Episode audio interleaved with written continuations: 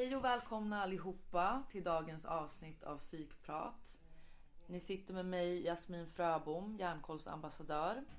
Och med mig idag är Pia Röjdeby som också är järnkollsambassadör. Och välkommen! Tack så mycket! Ja, kul att du är här.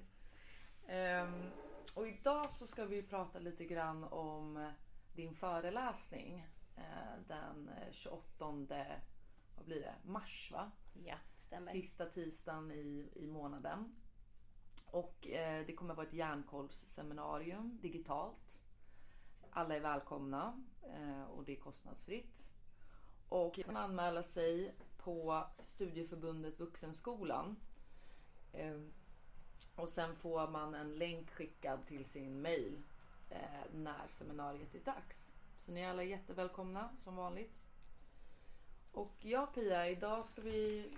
Du kan väl berätta lite grann om vad du kommer, vad du kommer prata om på seminariet?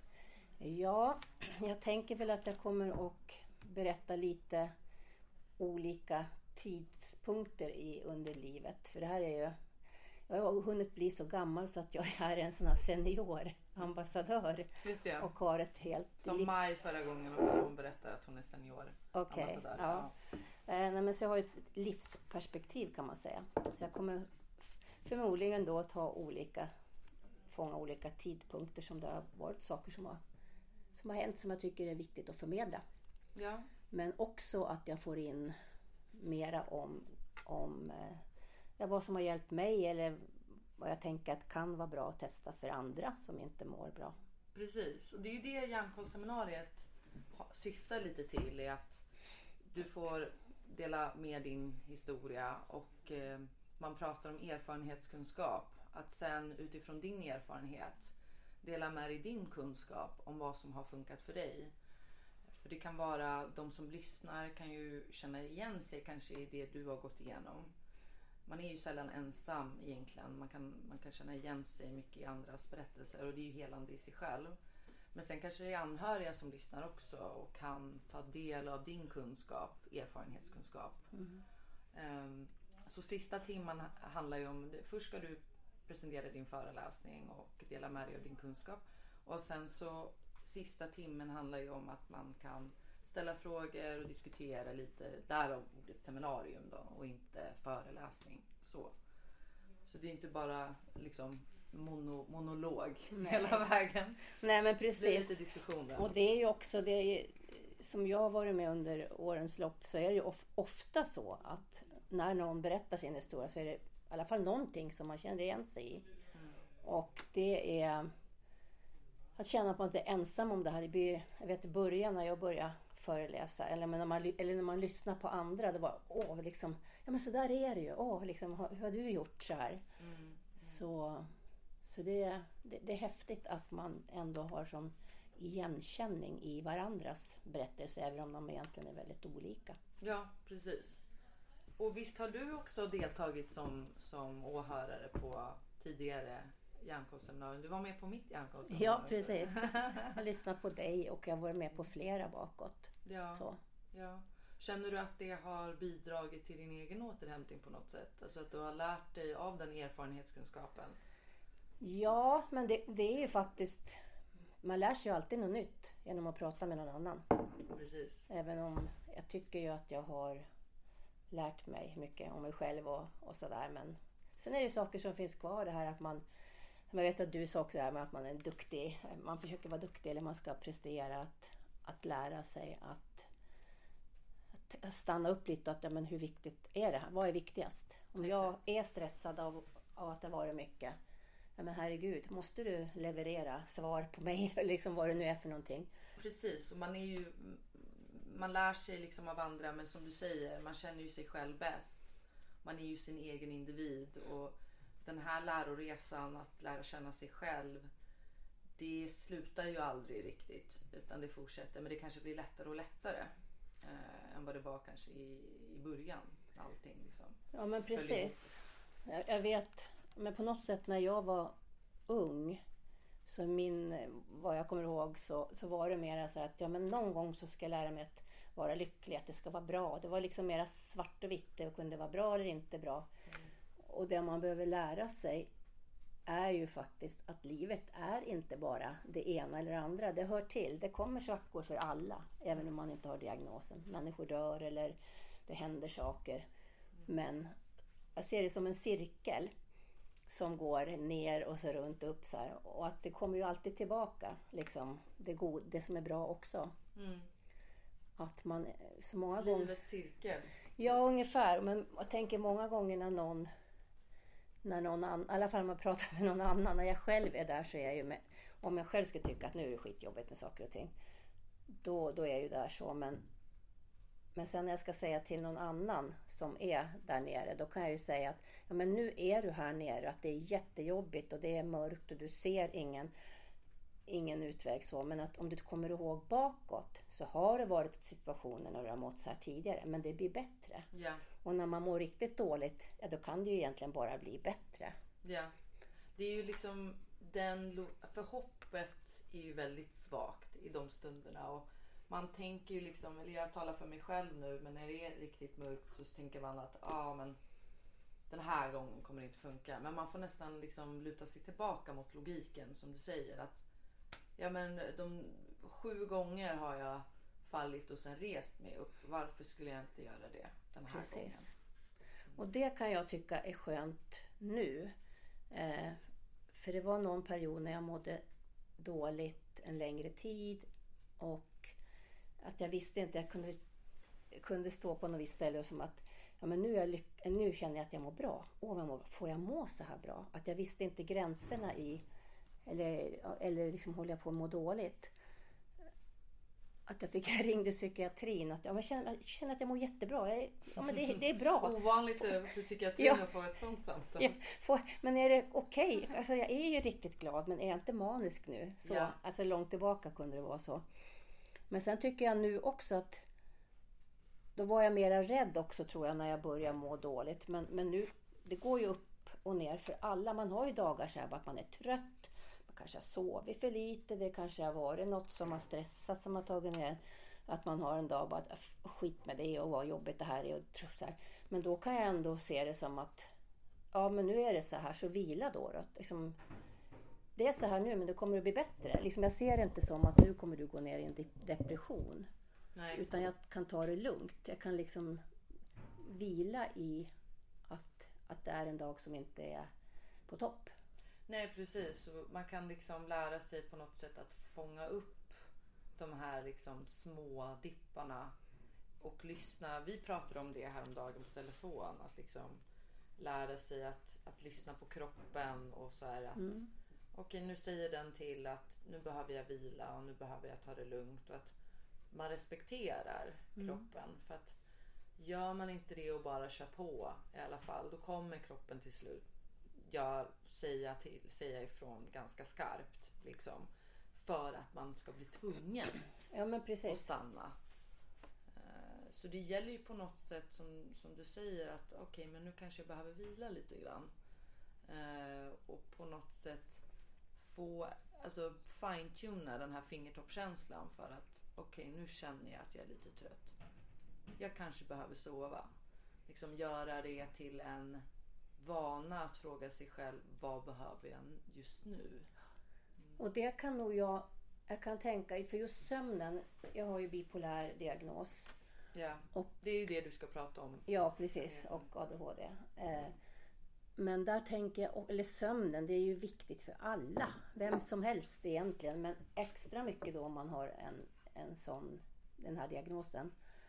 Jag kan ju få så, det kan vara typ max en gång per år. Att jag är, känner då verkligen att jag är stressad och att, att jag eh, att jag har svårt att sova, svårt att somna då.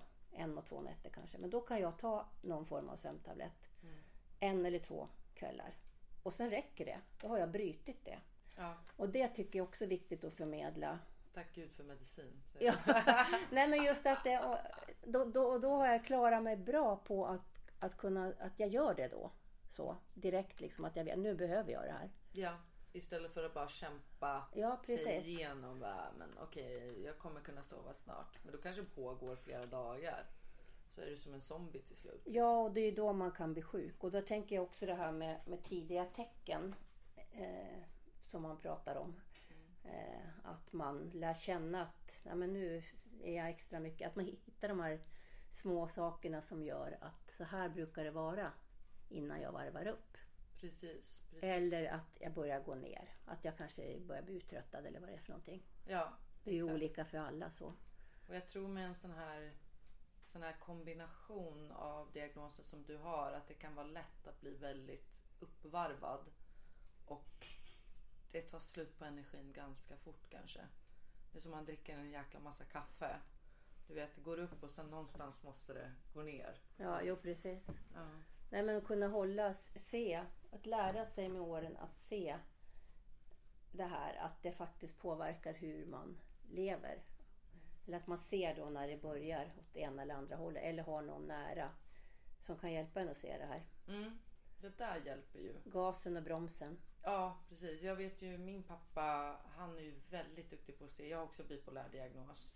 Och han är ju jättesnabb att se på att om, när jag börjar bli hypoman. Han bara, nu, nu snackar du för mycket eller nu, nu har du för mycket grejer samtidigt och nu har du uppblåst självförtroende. Nu får du fan ta och lugna ner dig. Liksom. Men du lyssnar då i alla fall. Du kan, I början gjorde jag inte Nej. det. För jag, man mår ju så bra. ja precis. Du vet, det är ju, det är ju väldigt beroendeframkallande att ha mani och hypomani. Skulle jag säga i alla fall. Det är vissa som lider av mani. Men, eller hypomani. Tycker det är jobbigt. För man har rusande tankar och, och så där man blir lätt irriterad och sådär. Men, men jag liksom thrive på det. Jag älskar det. Och jag, jag måste ju erkänna att ibland saknar jag det. Eh, Men alternativet är, är ju värre. What goes up must come down. Jag har vant mig av med det. Jag har Bra. ju ADHD också. Så. Jag kommer vänja mig snart också tror jag. Alltså, Ja. Jag mår ju bra också idag. Så att eh, det är ju det är inte värt det. Nej, för jag tror att många, jag tror i alla fall att det kan vara så att de, det finns ju de som inte vill se. De är inte sjuka säger de. De vill inte Ja. ta medicin, de vill inte ha det här. Men jag tror det handlar också om mycket att, att på något sätt få ha den så pass mycket självkänsla och självförtroende i att, att det här är inte något, det det är inget fel, liksom det här är en diagnos. Det är Ja. en sjukdom så här att, att det är okej att, att någon säger då att man kanske börjar bli uppvarvad eller vad det nu är. Ja, och att det finns hjälp och man kan söka vård och att det faktum att, att det ens finns hjälp. Mm. Men för några hundra år sedan fanns det ju inte hjälp. Nej. Inte ens 50 år sedan kanske. Så jag menar någonstans alltså känner jag ju en oerhörd tacksamhet över att det finns medicin som kan hjälpa en. Och det, det, medicin är ju bara en del av återhämtandet, eller hur? Absolut. Jag kommer ihåg de här, jag var ju sjukskriven i sju år. Eh, för, ja, jag vet inte hur många år sedan. Det är i alla fall, det är i alla fall 20 år sedan som jag var inlagd nu. Och det, och det känns lite som en yes. Men det är, Wow, gratulerar! ja, tack så mycket. Men, men eh, det finns ju aldrig, aldrig någon sån här 100% säkerhet. Man kan bara liksom vara, ta mediciner, veta att är det så att det börjar krisa då vänder du till psykiatrin. Då man har bipolär så har man ju en kontakt. Så. Eller till någon vän bara, alltså som man har nära. Som är den här trygga och som kan säga ärligt men liksom ja, men vara ett bra stöd. Alltså det är ju så lyxigt att ha en, en nära vän eller nära anhörig. Det är ju ganska sorgligt att det är vissa som inte har det. Ganska få förunnat. Men det hjälper ju alltså oerhört. För de känner ju en. Ja men precis. Så. Sen poppade upp en fråga hos mig. Jag tänkte jag är ju också bipolär. Men du kanske har, du har typ ett eller? Ja, värsta Ja. sorten. Ja, usch. Och även ADHD. Och jag är lite nyfiken på hur är det att leva med den samsjukligheten? Eller hur har det varit att leva med den samsjukligheten? För det är ju en jäkla blandning alltså. Cocktail. Ja, alltså. Jag har ju inget att jämföra med. Nej. Eh, Min, eller vår dotter fick ju diagnosen. Och det var då först som vi började tänka att ja, men jag har ju alltså ADHD. Och då började vi se att ja, men det där är ju lite, vi är ju väldigt lika egentligen i spontanitet och, och sånt där. Så det var ganska sent. Det var, jag tror det var 2010 Mm. som jag fick den diagnosen. Ja, så då har du levt liksom hela livet Ja. med den äh, diagnosen utan att veta. Ja, att jag hade den. Ja, precis. Utan det har ju varit den här att jag haft bipolär sjukdom. För den fick jag när jag var 18 år. Ja, de fångade upp det ganska tidigt där. Det var ju bra. Mm. Och sen dess har jag ätit min medicin. Jag äter litium. Mm. Och det är ju en sort som faktiskt är känd för att ge bästa effekt om man kan ta den. Ja. Känner du att den medicineringen har hjälpt mot din ADHD också? Eller har du fortfarande haft, du har liksom levt med det där ändå? Alltså det här äh, symptomen av ADHD, att det är rastlöshet och det är spontanitet Ja. och det är hyperaktivitet. Och, Ja, nej, nej det har inte, det, det är inte, jag tror inte det påverkar ADHD än så. Det är inte samma liksom mm. heller. Och som sagt, jag har ju lärt mig, eller jag har ju levt med, med, med hur jag är och jag har ju mest se- sett det som att ja, jag är spontan och jag kanske pratar för mycket och det har jag väl också lärt mig, tror eller ej, så har jag blivit lite bättre på att kunna liksom inte bara babbla på utan backa lite liksom i, i, i det här med att vara Med spontan. Impulskontroll. Ja men så här, ja men precis. Ändå. Man, Men det, jag tycker det är ändå ganska fina egenskaper. Ändå. Det är många som pratar ju om ADHD och så här MPF eh, diagnoser har ju blivit lite poppis nu. Man folk liksom slänger runt sig att de har ADHD och de har autism och de har så här. Men det är ju, det är ju, det finns lite superkrafter i det där ändå. Liksom. Många, alltså samhället värderar ju egenskaper som spontanitet, vara utåtriktad, vara karismatisk, du vet sådana Mm. saker. Så att man kan ju finna lite en stolthet i det där. Men, eh, och kanske man vill inte ta bort de sidorna. Nej. Men sen så finns ju baksidan av diagnosen också. Eh, rätta mig om jag har fel, men det, det, det här med rastlöshet eller det här med kanske svårt att, att, att fokusera, svårt att organisera sitt liv kanske. Alltså Mm. det kan bli en enorm akilleshäl. Precis. Sen är det ju, Mer än någon annan. sen är det ju väldigt olika. Liksom. Det är ju som med andra diagnoser med. Att, att det är en person och sen är det, det är inte säkert man har alla, alla de här grejerna utan att det är kanske något som är mera, mera uttalat eller vad ska jag säga då. Ja, ja. Precis. Och så finns det medicin där också. Ja! Drugs! Om man behöver. Men, men då har du egentligen... Märker du någon skillnad på... Det, det antar jag, men du har ju levt ganska länge med att, med att inte medicinera din ADHD. Och sen har du börjat ta låga doser av medicin. Märker du liksom en före och efter PIA? Alltså, jag har ju tyckt det i början när jag börjat. Jo, men det är nog så här liksom. Men sen tycker jag att jag har haft svårt att se det, för jag trappade upp. Men kom upp då. Alltså, jag har ju en ganska låg dos av mediciner så att jag suger väl åt mig. Nej, men liksom, Det är ganska skönt. Faktiskt. Ja, nej men så, för då kom jag upp för högt och då fick jag så här lite ut, utslag i eller så blåsor på tungan och, Mm. och sånt. Så då backade jag igen. Så nu har jag ju egentligen kanske en dos som inte gör så mycket nytta som jag... Ja, du märker ingen skillnad? Nej, inte så mycket. Tror jag. Alltså det är svårt. Men, Jag tycker men det är svårt hjälper det någonting mot de negativa symptomen tycker du? Eller är det någon, ett samtal till läkaren snart? Eh, jag vet inte. Alltså jag måste nog prova att trappa upp igen kanske. Ja. Så, det är svårt att och bedöma, liksom säga hur, hur det påverkar. Och jag har ju då alltså här, den här dosen ska kanske inte hjälpa så mycket så att jag har ju tänkt om jag skulle öka på någon gång men ja. Där kommer vi tillbaka lite grann i fingertoppskänslan att vad jag behöver. ja, Att man känner sig själv bäst. Att man tänker att... För jag har ju också haft en resa av att liksom justera doser. Först hitta medicin som fungerar Mm. för en. Först hitta kombination av medicin som fungerar. Och sen justera dos. Vad är det för dos som fungerar? Så det Mm. är ju en liten resa.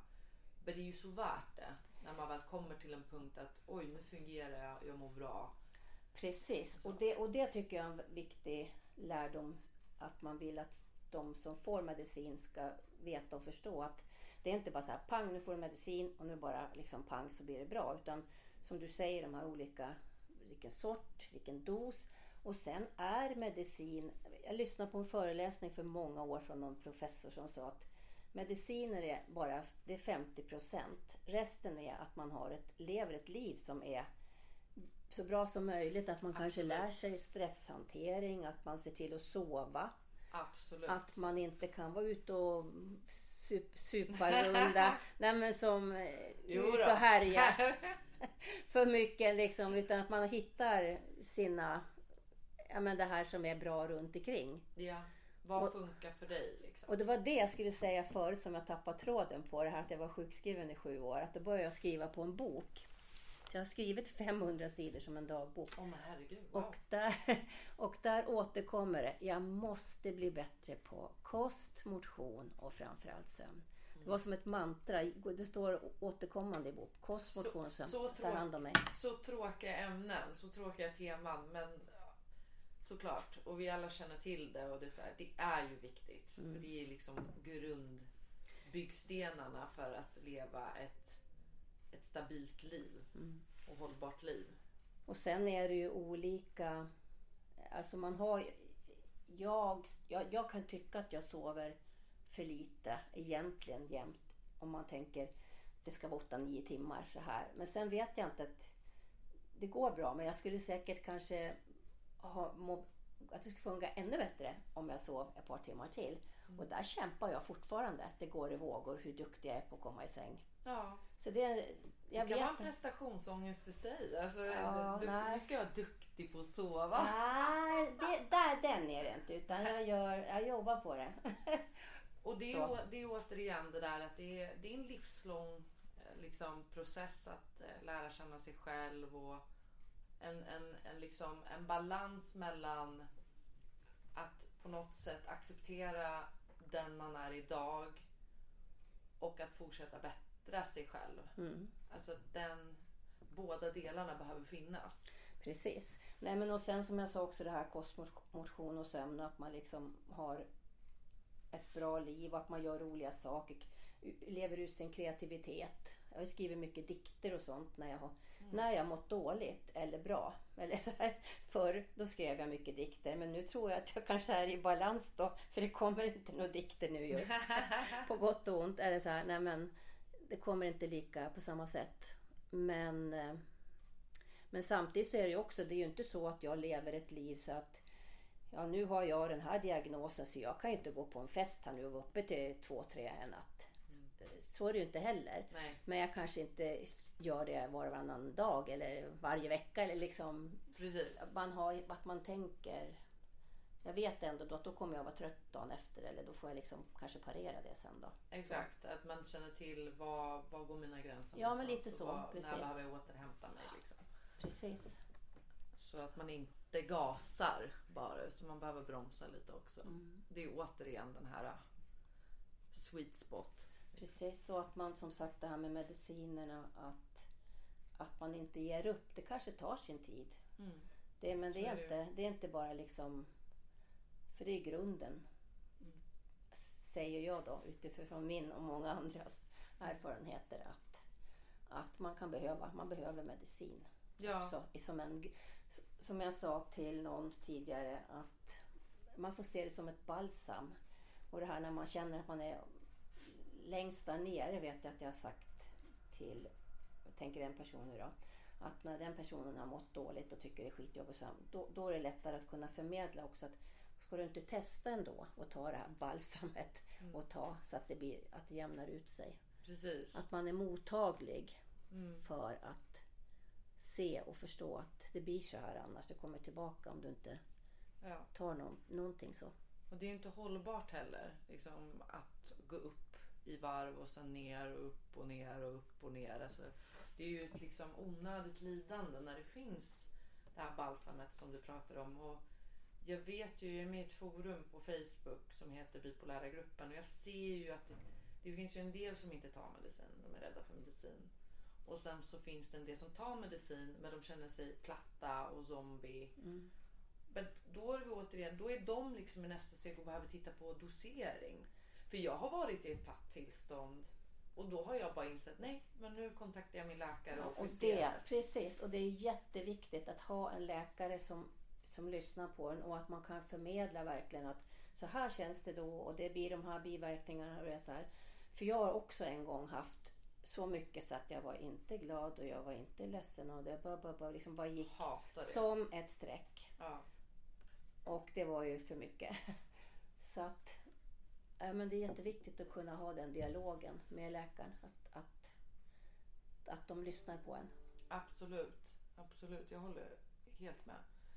Och, men som du säger, det är ju inte hela alltet i din återhämtning utan du har haft, du har skrivit dikter, du har skrivit bok, du föreläser. Det måste ju varit liksom helande i sig och sen skapa en, en hållbar vardag. Liksom. Och det första, första som jag sagt är, alltså man ska tänka så här också. I en av mina föreläsningar så har jag en bild på, på mig och så är det liksom alla massa så här cirklar runt om. Att jag är mamma, jag är dotter, jag är mormor. Ja. Nej men och sen också vad jag tycker om att jag paddlar kajak och, och så står också hoppat tandemhopp. Den, den är Åh, lite extra understrykt. Oh. Ja, nej men liksom massa olika saker som jag gör. Och där tänker jag också att man i den kan tänka vilket, vilk, så många nyanser det är i livet som gör att man mår bra eller inte mår bra. Till exempel man, att man har Ja, att man har bra mat, man kan, så att man får energi. Eh, att man, eh, att man in, inte har något annat, att man har skadats så att man den har den här. Det är så otroligt mycket tandvård. Har man bra med tänderna? Har man ekonomi till det? Har du råd att gå och ta en fika med någon? Har du någon vän? Har du, alltså du går och plockar och letar. Sätter man sig och verkligen tänker efter de som både har diagnos och inte och tänker efter vad är det som påverkar dig i livet. Så är det så otroligt många nyanser runt om. Precis. Och sen tänker jag också, jag har en, samtidigt en, en bild på där det står Pia och så mina diagnoser. För när jag har mått dåligt, de här sju åren som jag har haft, jag har haft fem, eh, fem skov där jag har varit inlagd då. När jag var på BUP som barn, eh, 16-åring och så fick jag diagnosen när jag var 18. Sen var det när jag var 26 så tog det slut med, med den som jag eh, trodde var min stora kärlek. Och då kom det två killar. En kille som jag kände. Och sen hade han med sig en kille som jag inte kände som knackade på dörren. Och det var han som följde med mig till psykakuten. Mm. Och det är han som jag är gift med idag. Oh my god, fantastiskt. Det är lite Vilken kärlekshistoria. Ja. Hur, hur träffades ni? Ja, ehm, jag, jag var galen.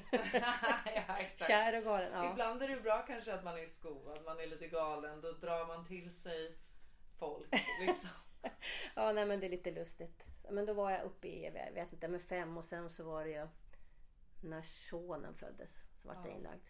Okej, Det här med amning, ja precis. Hormoner och så då. precis. Det, det där är ju lite läskigt. Jag är ju 32 och man, man ser fram emot den dagen när man skaffar barn. Men ja, det är, lite, det är lite läskigt. Jag tror man måste gå av vissa mediciner också om jag fattat det rätt.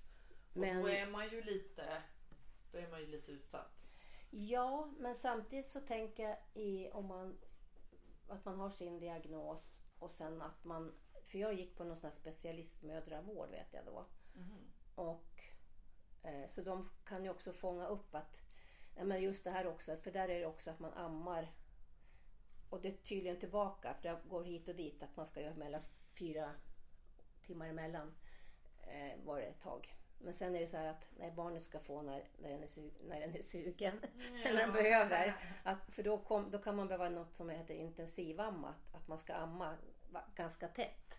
Och det här med sömn med nätter och sånt. Men då kan man ju också kanske pumpa ur så här och liksom Eh, Och se till att, att man verkligen... Vilka är det som ställer upp här då? Jag kan gissa att det är massor med folk som skulle kunna vilja ta den här lilla bebisen någon natt.